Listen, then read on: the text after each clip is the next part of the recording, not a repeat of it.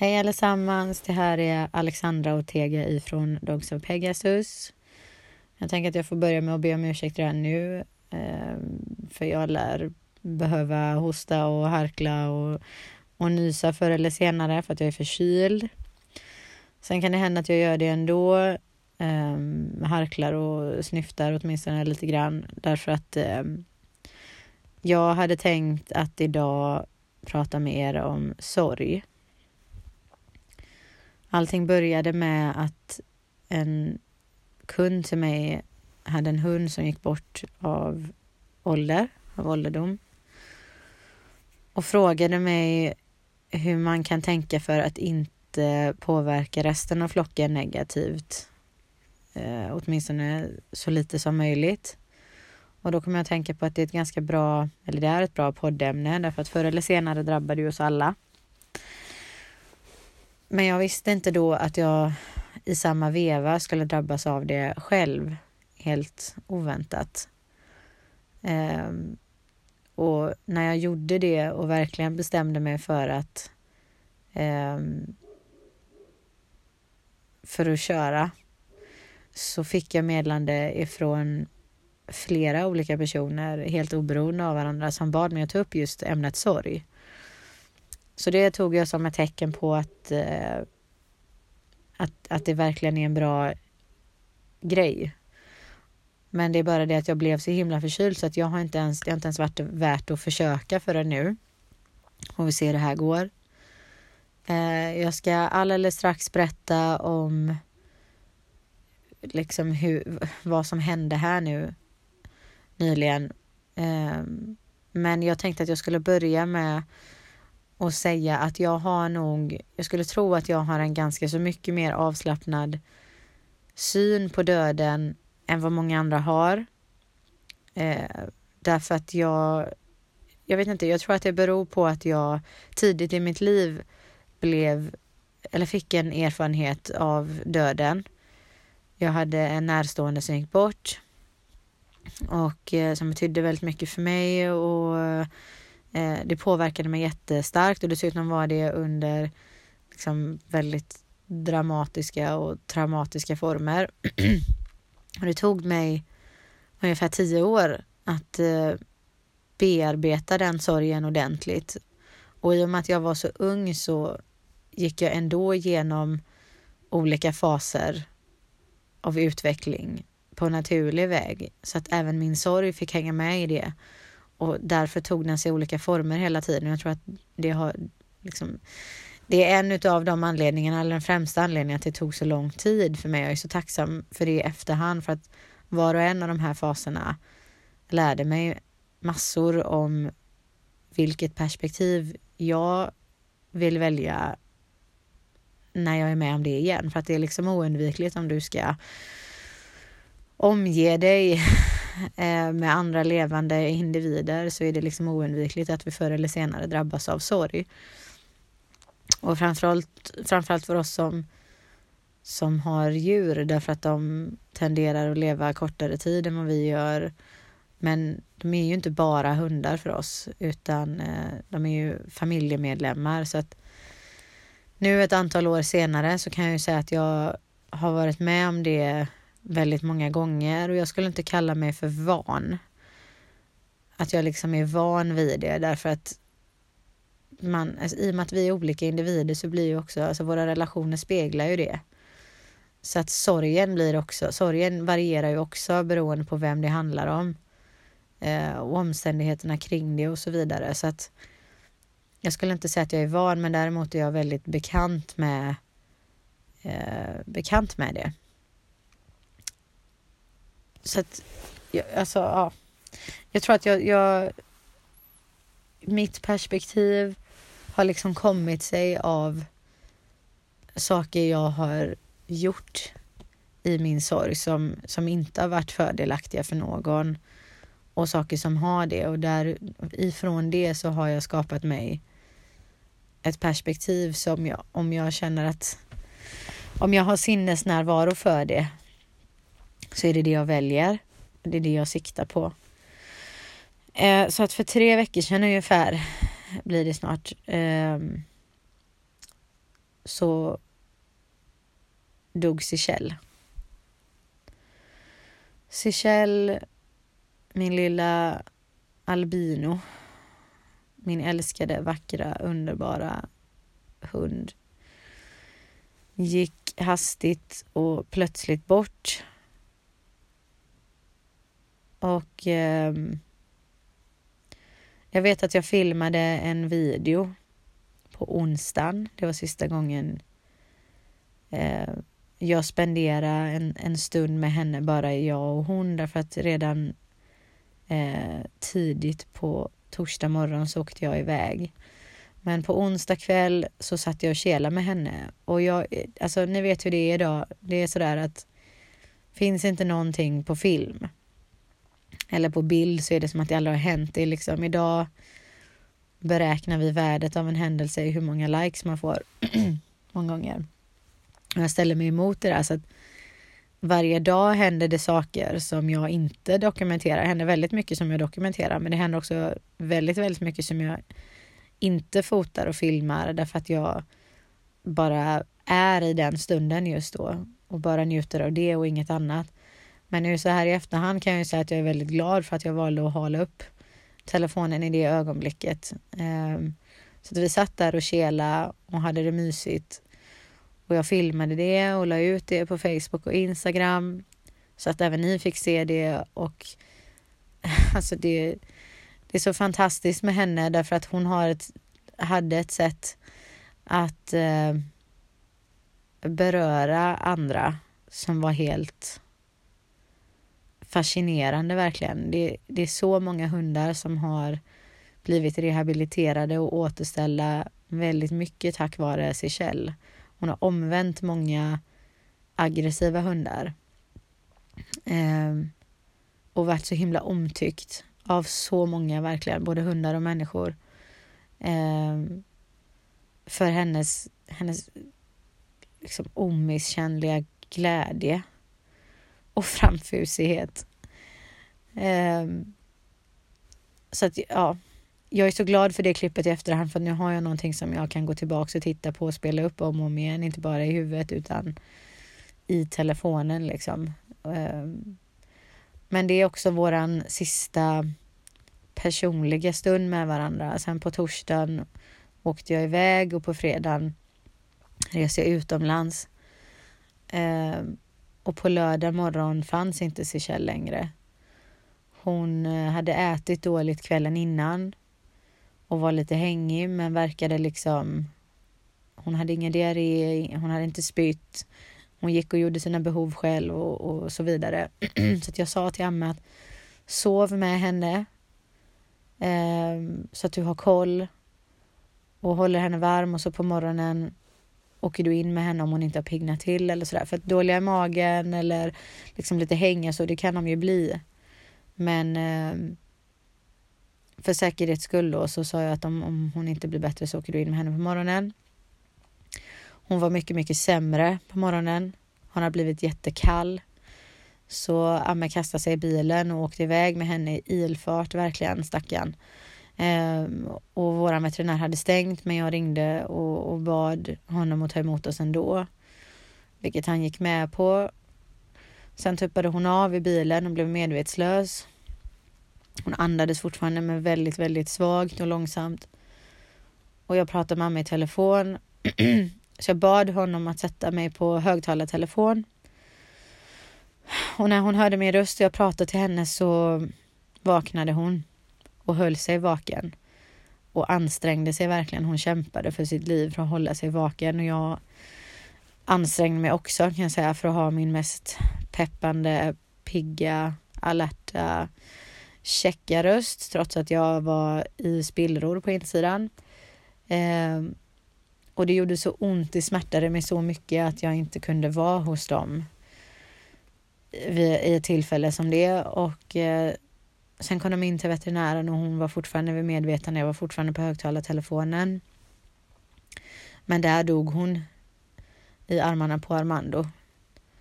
Eh, och vi, jag kände verkligen ett behov av att få veta vad som hade gått fel därför att Seychelles var en ung, till synes frisk hund. Och det här var så himla plötsligt och vi kunde liksom inte sätta fingret på det för i och med att hon inte hade uppvisat några liksom symptom innan det. Så, eh, men jag ville inte lämna henne där vi var. Eh, så att han åkte med, iväg med henne till en annan veterinär, en av våra andra veterinärer. Där eh, ja, hon, hon öppnade upp henne och kollade igenom och hon kunde inte hitta någonting fel mer än att hon hade lite blod i tarmen som såg ut att komma från själva insidan av tarmen. Men det var inget som satt fast, det var inget som såg konstigt ut. Det var bara det. Och hon var bra i hull. Alltså hon, allting var bra i övrigt. Hon var inte eh, uttorkad eller så. Så att därför så gick vi med på att hon tog några olika vävnadsprover och allt vad det var för någonting och skickade iväg dem till labbet för att se om det skulle visa någon bakterie, något virus, vad som helst. Någon infektion. Eh, men det kom tillbaka sen och även det var normalt liksom. Så att dödsor dödsorsaken fastställdes som blödning i tarmen och sen vad som orsakade det gick inte att konstatera. Eh, veterinären var inne på om hon hade kunnat bli förgiftad av någonting men då sa hon att då borde hon också legat och spytt hela natten. Vilket hon inte gjorde en enda gång. Och vi har inga, hon frågar har ni råttgift eller någonting liksom ståendes någonstans. Vi har inte ens några sådana produkter hemma överhuvudtaget.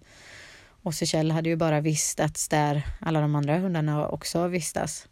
Och det var ingen annan som var sjuk varken innan då eller efter. Ehm, så att vi vet inte helt enkelt. Alltså vi, det, det, är bara att, man kan bara spekulera. Ehm, jag känner till några andra albinohundar och allihop har olika slags fysiska defekter, förmodligen för att albinism eh, är en slags mutation och det kanske, jag vet inte, jag vet inte, det är bara helt vilda teorier som jag slänger ur mig just nu i jakten på att få svar. Det är det man vill, man vill ju veta naturligtvis. Men jag accepterar också att det här, att det inte går. Det, det kan hända att vi snubblar över någon diagnos längre fram som verkar stämma in eller vad som helst, men det är svårt att konstatera så här nu i efterhand. Det finns ju också man kan få, eh, nu vet jag inte vad det heter, men även människor kan ju få det när någon, något kärl som var försvagat redan vid födseln men som man inte vet om förrän det helt plötsligt brister. Eh, om det är hjärnan eller hjärtat eller så. Och så dör man platt fall. Eh, så att vi, eh, Rosa berättar till exempel att hon har varit med om det på kältret. med två hundar och någon katt också. Eh, där de har blivit dåliga helt plötsligt samma symptom och de åkte in och då kunnat hitta att det finns ett kärl som sitter där det inte borde sitta. Och det vet man ju inte om då som sagt förrän någonting sånt här händer och då har det brustit och i ett fall var det att då, när det har brustit så har liksom blodet läckt ut där och så i kroppen eh, det blir någon slags förgiftning av kroppens eget blod liksom för att det sitter där det inte ska sitta eller något sånt där samband. Um, och hon hade också, de fallen hon hade varit med om så hade de också dött allihopa och det lät väldigt liknande det som hände Seychelles. Så jag vet inte om det kanske var någonting sånt att hon hade något extra kärl i tarmen till exempel som inte borde sitta där eller vad som helst. Jag vet inte. Jag, jag får någonstans acceptera att jag inte kommer få reda på det heller. Huvudsaken för oss var liksom att få någon några svar överhuvudtaget och framförallt få reda på om det var någonting som kunde drabba våra andra hundar. Det, det kan vi dock konstatera nu, speciellt så här i efterhand, att, att det inte var. Um, men hur som helst så befann jag mig i Serbien just då och Amme fick ta det här helt själv. Han var helt förkrossad. Um, han var jätteledsen. Jag jag bad om en bild på henne. Jag ville bara se henne för att jag kunde inte, jag kunde inte få, jag kunde inte liksom wrap my mind runt det. Jag kunde inte ens, det var så oförståeligt för mig. Jag, jag kan, alltså jag kan säga att jag tror att Seychelles är den sista hunden som jag hade föreställt mig skulle gå bort av alla våra. Om jag hade kunnat välja på allihopa så är hon förmodligen den jag hade sagt sist i ledet. Därför att så pigg och, och liksom smidig och alltså mer, mer kan man inte vara. Så att eh, så jag bad om en bild, men han, den kom aldrig. Han, han kunde liksom inte, han klarade inte av eh, att skicka någonting. Han, han låg lågt eh, med att prata med mig till och med den tiden. Eh, så jag förstod direkt att han var arg och ledsen och besviken på mig för att jag inte var där. Jag var själv arg och ledsen och besviken på mig själv för att jag inte var där. Och det är ju så att jag reser en hel del och det är ett aktivt val som, som jag gör. Eh, jag har redan tagit ställning till det. Det här är ingenting som jag inte har reflekterat över. Det är klart att jag är väl medveten om att vad som helst kan hända när som helst. Så att, och i och med att jag reser så pass mycket så är det klart att, att risken finns och kanske till och med ganska stor för att någonting händer, vare sig det är positivt eller negativt, när jag inte är här. Um, och trots det har jag valt att ändå jobba som jag gör utomlands. Därför att det, det hjälper så många. Så att jag har resonerat så att om och när någonting händer så är det en smäll som vi får ta. Um, men jag förstår ju att det, det är liksom ett, ett val som jag gör men som inte bara drabbar mig och det var därför Amme var ledsen också för att han hade han fått bestämma så hade jag naturligtvis aldrig varit iväg. um, men jag var ju på en av de här resorna just då och eh, hade en deadline för det jobbet jag var där för att göra. Vilket var väldigt bra för mig därför att jag fick liksom kasta mig in i det och jag hade inte, jag gav inte mig själv utrymme för att sörja just då. Jag undvek inte att prata om Seychelles. Jag tog upp det flera gånger, även för dem i Serbien och frågade om de hade varit med om någonting liknande med någon hund, om de hade liksom någon, någonting, någon information de kunde ge mig som skulle ge mig klarhet i min situation med henne. Så att jag var inte rädd för att prata om henne och så vidare. Men jag, jag lät inte mig själv, jag, jag höll mig i den rationella delen av min hjärna om vi säger så. Jag lät mig inte gå in i affekt eh, hörnan där borta utan jag höll mig i det rationella på det intellektuella planet och bara sökte sakliga svar tills vidare liksom tills jag skulle få utrymme att göra någonting annat. Eh, och det var bra för mig att jag hade att göra för att jag blev liksom avledd av, och, av det jag ägnade mig åt. Så jag gick bort på lördag morgon. Och samma morgon var jag tvungen att åka till kältret, eller då åkte jag till kältret. Och i och med att jag var medveten om det här, att det här hade hänt, så höll jag mig observant på ifall liksom hundarna skulle bli konstiga kring mig så att jag, jag hade det i åtanke ifall jag skulle behöva justera någonting så att det inte skulle bli slagsmål eller någon slags obalans. Men det häftiga var ju att dels eh, hade jag ingen relation, jag har ingen relation till de hundarna, ingen personlig relation till de hundarna så att min energi hade de lätt för att bara vända ryggen till och inte åtgärda för att jag liksom betydde ingenting för dem. Eh, och sen bara det faktum att de är så många så blir det till antalet så att alla deras energier överväger min med råge. Så att min liksom mörka, ledsna, negativa energi fick så himla lite utrymme på den ytan och det var helt underbart. Det var, det var bra. Um, men det fanns en hund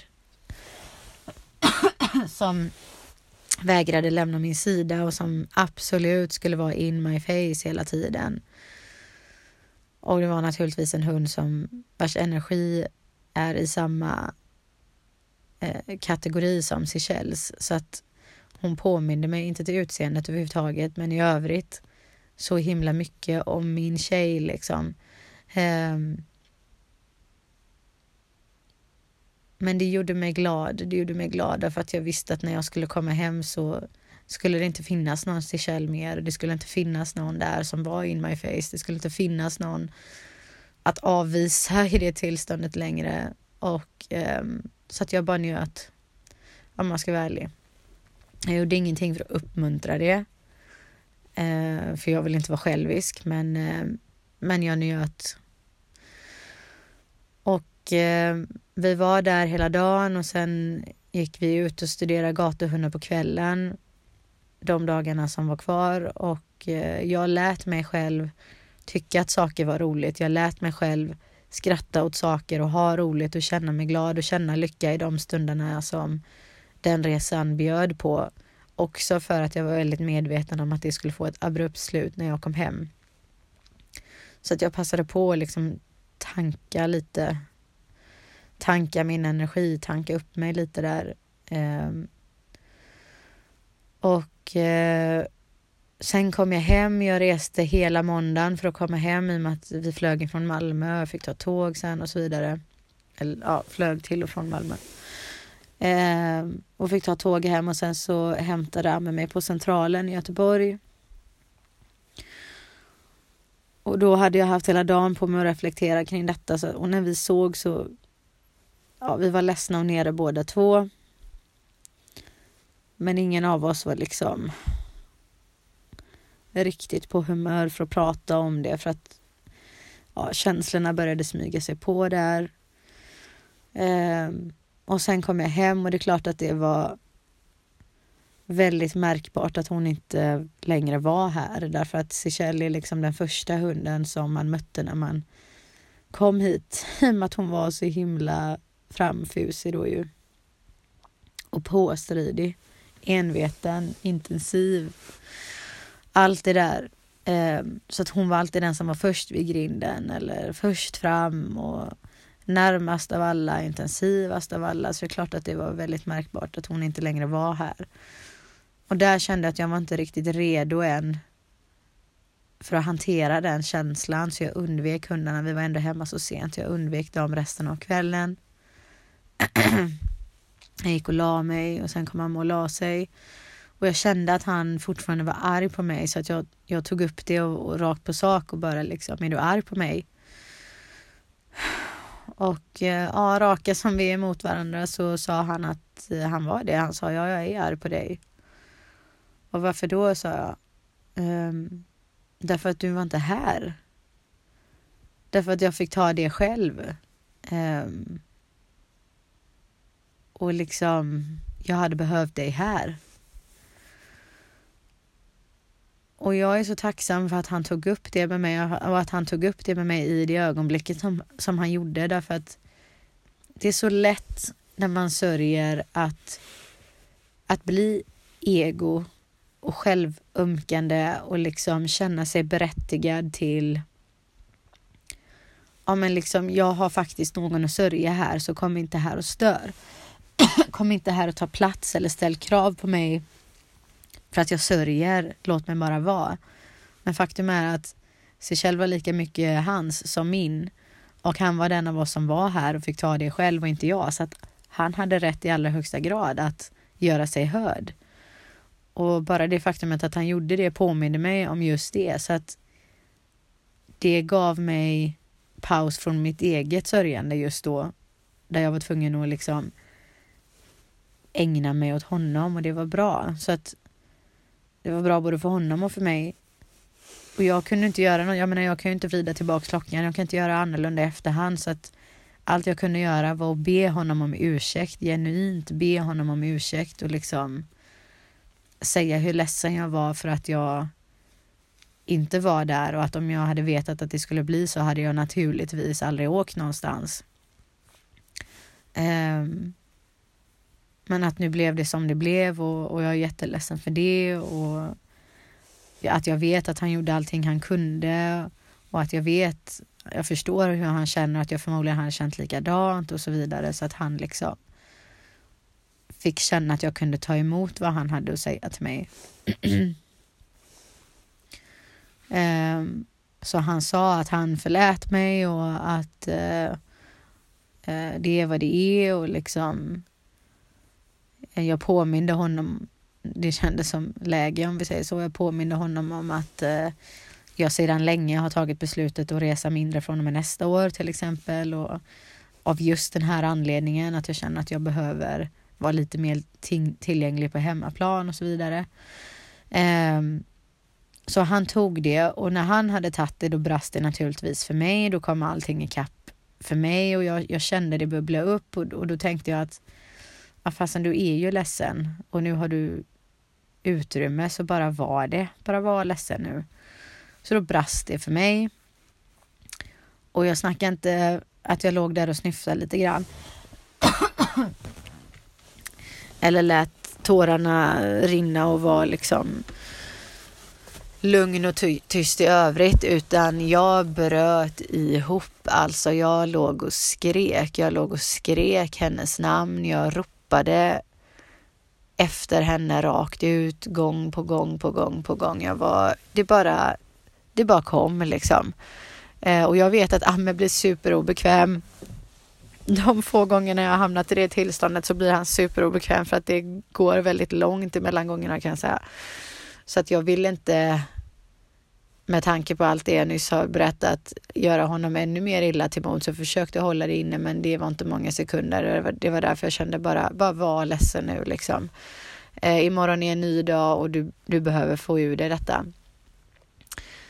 Eh, så att jag bara lät det komma som det var och det kom ut på det sättet. Eh, så han rörde sig inte ur fläcken först. Han bara han bara lät mig vara och lät mig göra min grej. Men sen så sa han att eh, efter en liten stund så sa han att du, du måste faktiskt lugna dig nu därför att om du fortsätter så här så kommer du att starta ett slagsmål här nere hos hundarna när som helst. Och vi är sådana jag och Amme, vi är väldigt raka mot varandra. Våran kärlek och respekt och tillit och lojalitet eh, är så djupt etablerat oss emellan redan så att vi behöver inte skräda orden. Vi gör ingenting för att liksom för att det ska svida extra för varandra men, men vi behöver inte skräda orden för varandra i och med att vad vi, vad vi känner för varandra redan är så etablerat så finns det ingen anledning att i varje andetag eh, linda in alla ord vi säger. Eh, och vi funkar likadant så att det är inga bekymmer. Jag vill bara säga det så att det är ingen som, jag vill inte måla ut Amme som någon hård, kall, konstig för det är han verkligen inte. Men han sa som det var och det, var, det är ju sant. Alltså hade jag fortsatt, jag legat och hållit på så någon minut till så kan det mycket väl ha brutit ut världens bråk där bland hundarna. Eh, som är tillsammans i vardagsrummet som är precis under vårat sovloft. Eh, och allting är så öppet så att de hör ju allting liksom. Eh, så att han hade rätt i det, men jag kunde inte bara stänga av. Jag var så himla ledsen och det så fruktansvärt ont. Alltså jag mådde fysiskt illa och jag upplevde fysisk smärta verkligen. Alltså det, var, det gjorde så ont, det brann i mig. Um, och jag var helt hysterisk verkligen och det, i och med att jag hade hållit det inne i flera dagar redan så var det så mycket som bara exploderade samtidigt så att det blev så otroligt kraftfullt. Så jag kunde inte bara liksom stänga av, jag kunde bara trycka på en knapp och bli tyst. Eh, men han påminde mig ett par gånger och, och det liksom sakta men säkert så nådde hans ord mitt medvetande och då började jag ta mitt förnuft till fånga och inse att det handlar inte bara om dig, du måste lugna dig, det, det här kommer att påverka andra om du fortsätter. Så att jag lugnade mig så sakteliga. Och sen låg vi där och liksom var ledsna tillsammans på en, en betydligt mer sansad nivå. Och somnade gråtandes. och eh, den perioden som har följt här nu, det, det, är precis nu som jag har, som jag kan titta på fotografier av henne där jag först upplever sorg men i några sekunder bara innan jag upplever enorm glädje av att se henne, av, av hennes minne. Och det är en sån sak som jag tog med mig ifrån min första erfarenhet av sorg. Eh, för den döden var så dramatisk som sagt. Det var som traumatiserade mig verkligen. Eh, så att den döden fick liksom definiera personen till slut.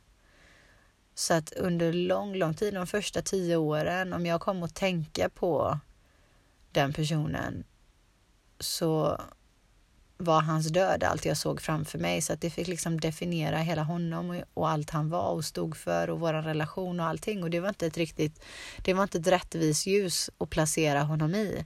Därför att han var så mycket mer än hur han dog och, och, och vår relation var så mycket mer än den absolut sista stunden. Så att det var inte riktigt rättvist insåg jag sen. Det var ingen eh, riktig skildring av sanningen utan det var ett väldigt vinklat perspektiv. Så att jag började med att tvinga mig själv att när jag såg en bild på honom till exempel och de tankarna kom upp, tvinga mina tankar att för varje negativ bild jag får upp i huvudet så ska jag få upp en positiv. Och med tiden så behövde jag inte tvinga mig själv till det längre utan då blev det så per automatik. Och det här är så gammalt så att sedan länge, länge så kan jag titta på och prata om och allt möjligt, till och med prata till eh,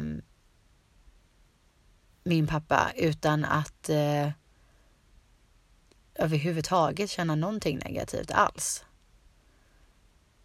Eh, så att, och, och sorg är någonting som, speciellt den här djupa, djupa personliga intima sorgen. Det är någonting som aldrig går över. Jag vet att jag hade någon, jag var på en hundpromenad.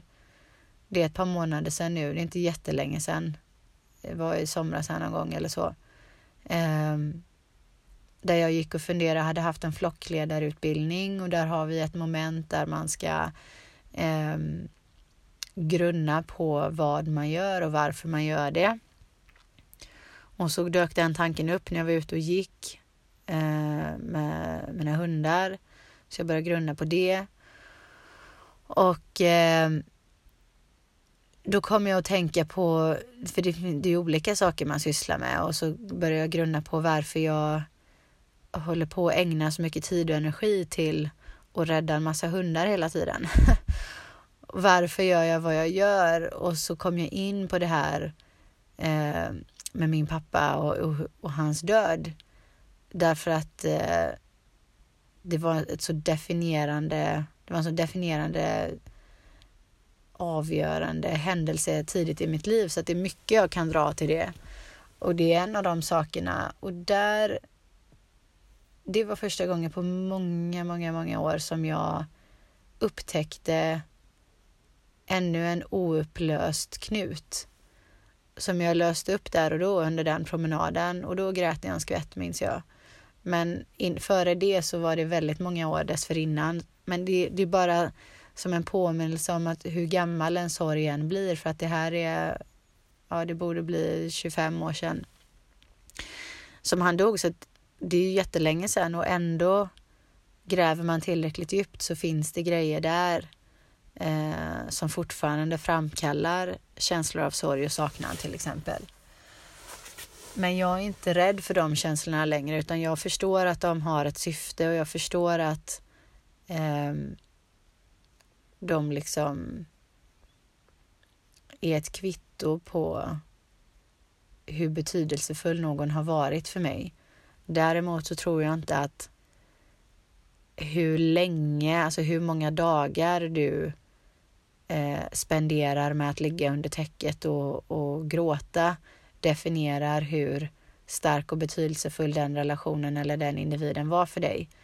Jag tror inte att man kan definiera det på det sättet. Ehm, jag tror inte att hur många dagar du väljer att gå klädd i svart avgör hur viktig den individen var för dig eller hur värdefull en relation var. Jag tror att människor som kan visa glädje en vecka efter att någon har dött dagar efter att någon har dött fortfarande kan ha en långt mer betydelsefull och viktig och djup relation till någon som har dött än den som går svartklädd och, och, och gråter varje dag i ett år. Därför att dels sörjer vi olika men vi väljer också olika perspektiv. Allting vi gör kommer från val som vi gör hela tiden. Um, men det är inte alls en definition av det tror jag. Och det kommer ifrån olika observationer som jag gjort, dels av mig själv och, och, andra under årens lopp. där jag ser att det egentligen inte har riktigt med saken att göra. Vi, vi är olika så att vi har olika lätt för att eh, grotta ner oss i sorg, grotta ner oss i självömkan och offerkoftan och negativ energi helt enkelt. Så bara det gör ju att, att sättet att sörja, sörja på kommer att skilja sig åt. Men med det sagt så är det ju inte heller så att man bryr sig mindre bara för att man gråter varje dag i flera år, absolut inte. Men, men det är inte det som, som definierar värdet, tror jag. Um, bara om jag tittar på, på mitt ammesätt, alltså Amme skruvar fortfarande lite grann på sig när jag nämner Sichelle nu till exempel. Senast igår frågade jag honom hur det känns för honom nu så här en tid efteråt. Eh, och han skruvar lite på sig och sådär. Eh, Medan jag uppskattar att prata om det. det liksom, som jag sa från början så jag anser inte att Seychelles är borta för alltid. Jag anser inte att vi inte har en relation längre utan jag anser att vår relation har antagit en annan form från och med nu.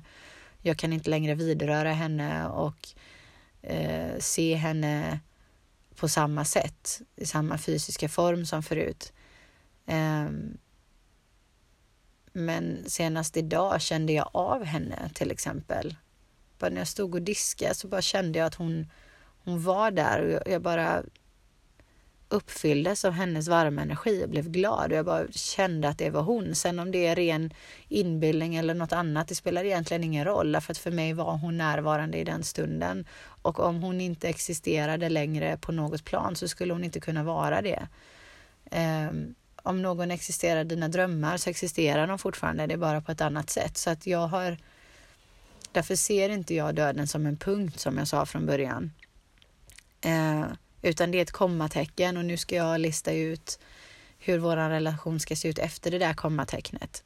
Och det en, känns som en story som jag skriver sida för sida.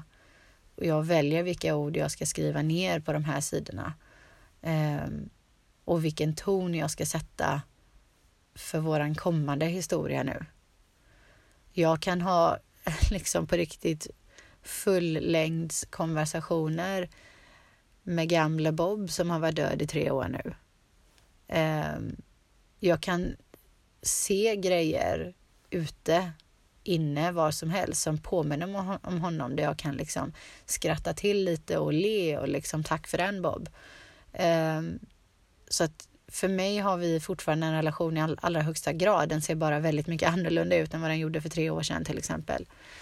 Ehm, så när det gäller det här hur man ska tänka och känna. Jag vet inte om jag vill sätta mig eller göra anspråk på en position att jag liksom ska instruera andra i det för att man gör väl en egen personlig resa. Men jag kan berätta om, om hur det har varit för mig. Och mitt, det som jag har tagit till mig under årens gång här är att jag kommer inte vidare.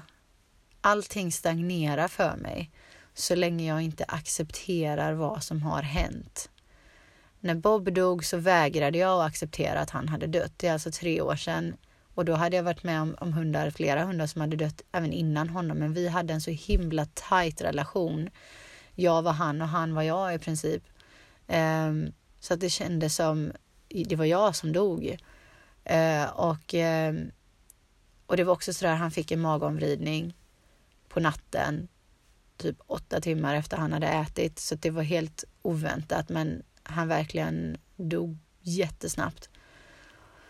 Och, eh, och det gjorde mig så arg, det gjorde mig så fruktansvärt förbannad därför att jag bara kände att här, jag älskar den här hunden mer än mig själv. Och vi har det så bra tillsammans. Eh, han har allt han behöver här. Ehm, han har människor omkring sig som gör allt för honom. Vem är livet? Vem är universum för att komma och ta honom ifrån mig? Bara så där. Vem fan är du för att ta honom ifrån mig? Det var verkligen så jag kände. Jag blev så arg, jag blev så förbannad.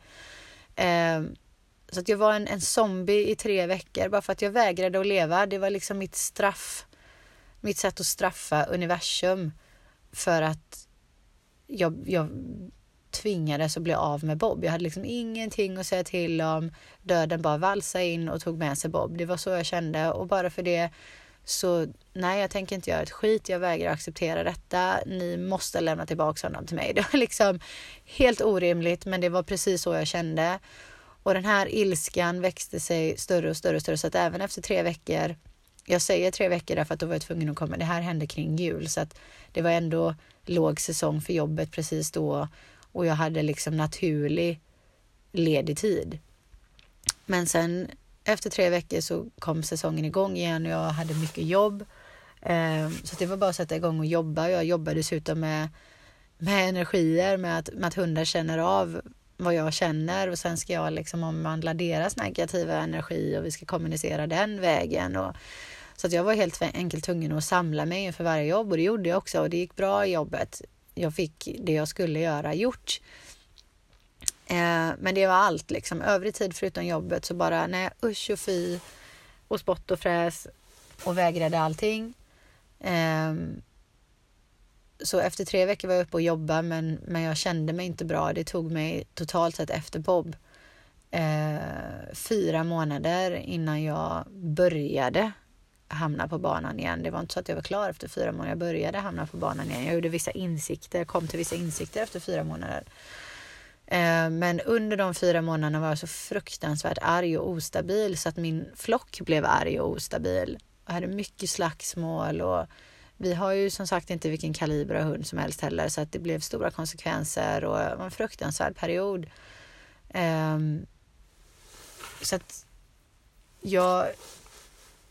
Det var inte förrän jag fyra månader senare insåg att om jag fortsätter så här så kommer vi gå under hela familjen.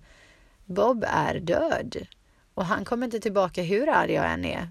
Och hur mycket jag än försöker straffa andra runt omkring mig, den enda som blir straffad är jag och min familj. De som jag liksom bryr mig om mest är de som får lida mest om jag fortsätter så här. Så att jag mentalt örfirade mig själv och liksom skärp dig nu för fan, kom igen, det här har hänt, acceptera läget. Och då liksom damp det ner för mig där att ja, jag måste acceptera att det här har hänt. Så ett antal, som sagt, bara det här året har vi förlorat fem hundar. Det är jättemånga. Alltså, fem hundar är jätte, jättemycket. De, liksom, det finns människor som inte ens är med om att fem hundar går bort under en livstid. Vi är i början av oktober nu och eh, i mitten av september liksom, gick vår femte hund bort bara för i år. Så att vi har liksom vi har varit hårt drabbade det här året. Vi har haft tre gamla hundar som gick bort i början av året. Sandro gick bort av eh, sjukdom i somras. Eh, och så nu Sichelle. Så att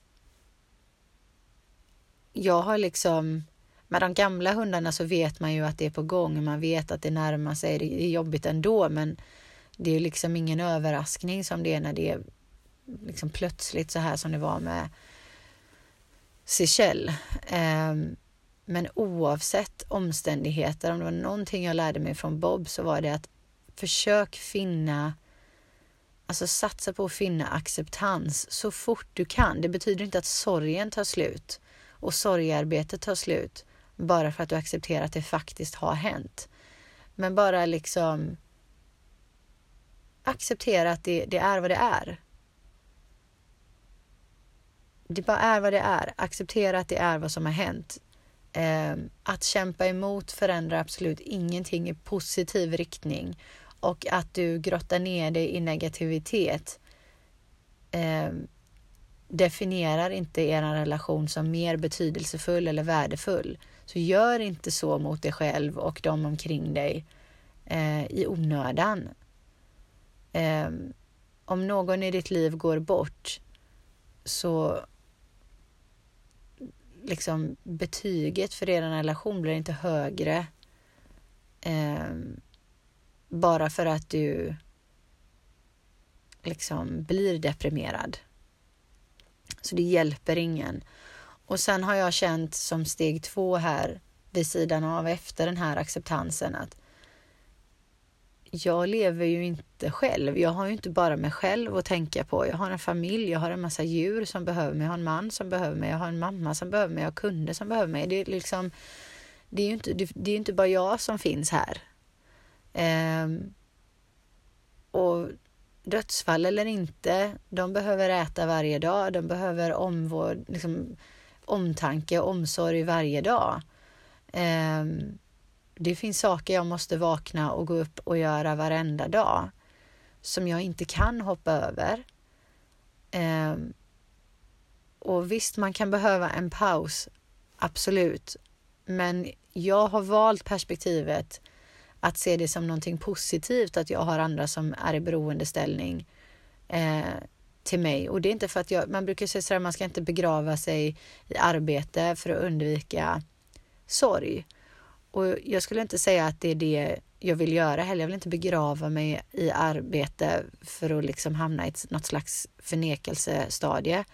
Eh, men däremot vill jag arbeta eh, för att mitt sorgearbete ska röra sig i en positiv riktning.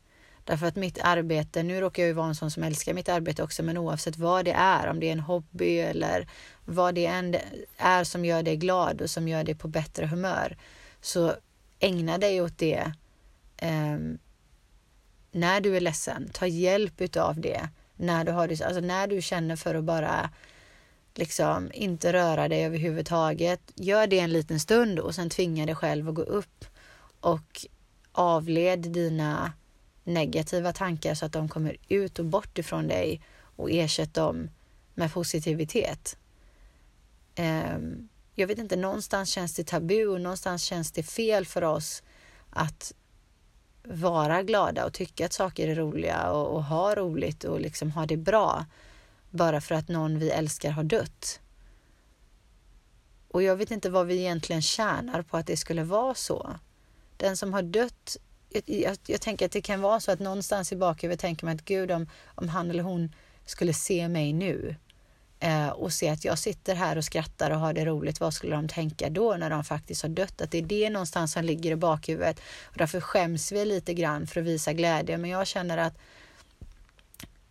som här om vi tar Seychelles som är mest aktuellt för mig. Alltså den här hunden representerade glädje, ren glädje. Skulle man liksom eh, Alltså skulle ordboken ha varit korrekt så skulle det vara en bild på Seychelles där det stod glädje, där det stod lycka, där det liksom stod fånga dagen. Så att hon skulle inte känt sig speciellt nöjd över att jag låg och deppade ner mig och förstörde stämningen, för hon representerar ju den exakta motsatsen till det. Så att för mig att hedra hennes minne eller vem det nu än är som jag har haft en så nära relation till att jag blir så himla ledsen när de går bort. Att hedra deras minne är att fånga dagen, är att inte slösa tid. Alltså, jag är så... Jag kommer förresten av mitt liv vara så otroligt tacksam över den lilla kelstunden vi hade där på onsdag kväll som blev vår sista personliga stund. Så om, någonting, om det är någonting jag tar fasta på ifrån detta, om det är någonting som jag blir påmind om, som jag verkligen tar med mig från den här händelsen, så är det att man inte ska ta tid för given.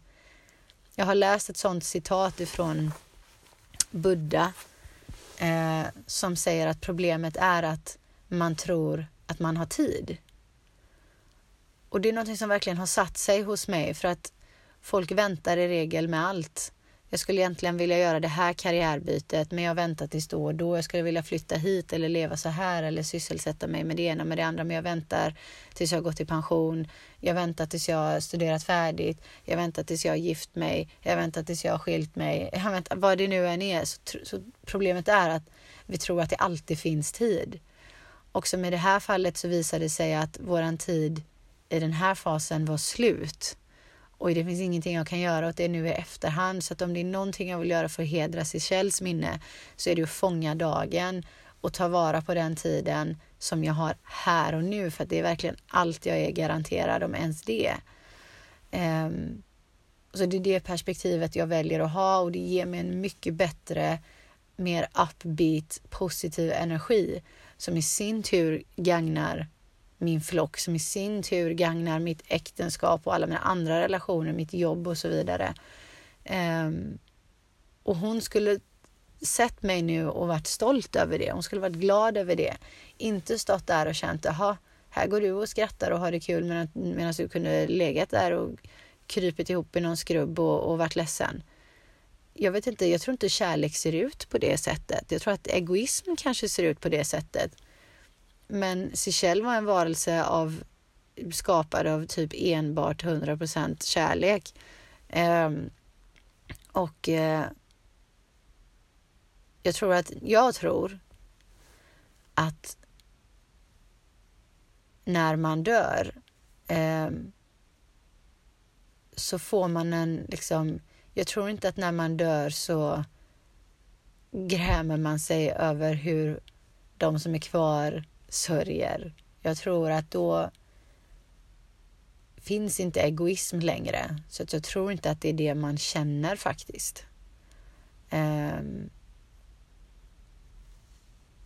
så jag tänker att om det, om det är två grejer jag verkligen skulle vilja dela med mig och som jag hoppas kan hjälpa någon där ute så är det nummer ett acceptans. Um, det är inte nonchalant att acceptera att någon har dött. Jag önskar att någon hade sagt det till mig när jag gick igenom det med Bob. Um, och det är samma när Evian dog i eh, våras. Han dog i mars. Och Evian är alltså den enda hunden som jag har haft. Det är min första hund och han är den enda hunden som jag har haft från valpstadiet till liksom hela livet tills han dog av ålderdom. Um, och det, jag hade alltså, jag har ju berättat den här historien många gånger förut på mina kurser och så vidare och olika intervjuer och sådär så att ni kanske har hört det förr men jag hade alltså väntat på den här hunden i hela mitt liv. Alltså hela mitt liv hade jag gått och verkligen längtat efter en hund. Köpte mig till slut den här hunden tre veckor innan jag fyllde 18 och eh, gick upp i extas till tusen procent. Alltså, eh, bara av att ha honom. Och det blev alldeles för känsloladdat och så vidare. Så att, och han, och han, han blev hela min identitet. Alltså han, jag hade längtat efter honom så länge och jag var fortfarande i en ostabil eh, fas mentalt. Jag var fortfarande uppe i, i mitt sorgarbete efter min pappa och så vidare utan att egentligen vara riktigt medveten om det då. Um, så att jag var inte stabil så att den här hunden kom att representera vad jag redan hade förlorat och det skulle jag minsann ta igen med buller och bång. Så att jag dränkte den här stackars hunden i så mycket känslor hans första fem år. Så han blev för det första fysiskt sjuk och mentalt ostabil. Um, och det ordnade upp sig sen när jag fick ordning på mig själv. Men um, under de första fem åren så kan jag säga att jag var utan att överdriva helt 100% övertygad om att den dagen Evian dör så dör jag också för jag kommer aldrig att överleva att han går bort. Alltså jag, det var inte ett skämt. Alltså på riktigt, jag gick i terapi för detta. Jag var helt övertygad om att jag inte skulle överleva att han gick bort för att så mycket som jag hade investerat av mig själv i den här hunden och jag hade redan varit med om ett dödsfall som hade traumatiserat mig så pass att jag bara kände att jag klarar inte ett till, jag gör inte det. Och då kan man säga att jag hade absolut motsatsen till en avslappnad relation till döden om vi säger så vid den tidpunkten. Och nu när han gick bort då, liksom tio år efter att jag hade stått där och trott det här och han var 14 år Eh, så nu när han gick bort i våras. Jag grät precis när han dog. Precis när han gick bort. Eh, men that's it. Jag har inte gråtit en enda gång efter det. Och det är inte för att jag liksom inte var ledsen av att förlora honom. Jag var såklart jätteledsen. Hade jag fått välja hade han aldrig fått dö. Men, ehm, men det var hans tid och jag såg det som min sista liksom osjälviska gåva till honom var att hjälpa honom att bli kvitt sin skrangliga, otympliga, obekväma kropp. Eh, och få gå in i, i en en vad jag hoppas är en, en trevligare fas av sin existens. Um, så jag ville hjälpa honom med det. Och eh, jag, jag, där var jag inte, i och med att det var planerat och så vidare, där kunde jag titta på bilder på honom med en gång. Jag kunde bli glad. Um, liksom, jag blev, tittade jag på en bild på honom så blev jag glad direkt. Jag, jag log av att titta. Jag, jag bara kände som ett enormt privilegium att få ha haft honom i mitt liv så lång tid. Och alla de fantastiska grejerna vi har upplevt tillsammans. Han har, han har liksom varit med mig i allt. Och jag, en av de grejerna som gjorde att jag trodde att jag, som gjorde att jag trodde att jag inte skulle överleva hans död var att liksom jag visste inget annat. Allt som hade hänt innan jag fick honom räknades liksom inte för det bara kände jag det var skit alltihopa. Eh, så det räknas liksom inte och, och sen var han med mig eh, i alla flyttar jag hade gjort, pojkvänner, alla relationer jag hade haft. Han har varit med i allt så att jag kunde inte föreställa mig en tillvaro utan honom. Och, eh, och nu hade det skett. Men istället, det var ju ett perspektiv man kan välja att ha, men jag valde att ha det perspektivet att fasen din liksom lyckosamma sate. Du har fått ha den här hunden vid din sida i 14 års tid. Fatta vilken tur du har haft.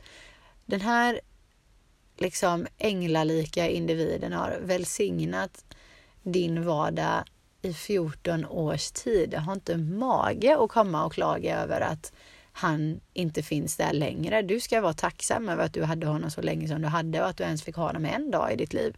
Så mycket som han har bidragit eh, till ditt välbefinnande. Liksom. Så att jag valde det perspektivet istället. Och som så ofta, som jag gör så ofta, så satte jag liksom en humor-twist på det.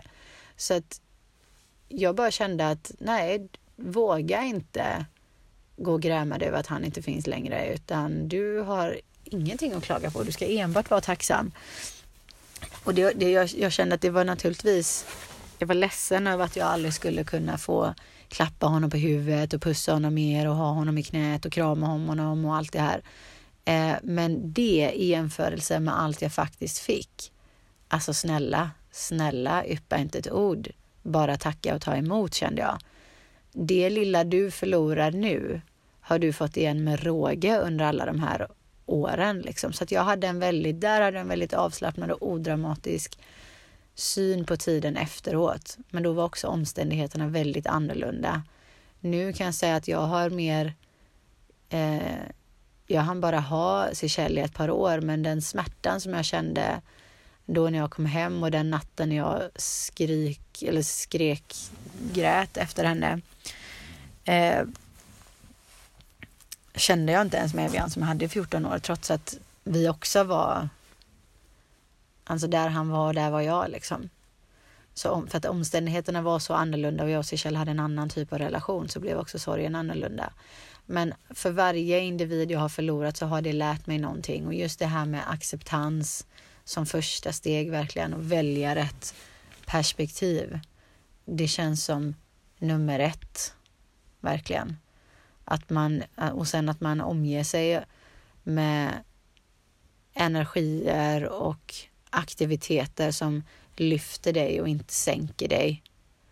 Och att man inte är rädd för att, nu är det olika, efter det, man ska i alla fall inte vara rädd för att prata om det tycker jag. Sen om man inte vill göra det, det är en helt annan sak. Som jag ser på Amme, om, om han känner sig bättre till mod så tycker jag att han tar sig framåt mer effektivt genom att inte hålla på och liksom sitta och köta om, om sig själv hela dagarna. Så visst, more power to you liksom.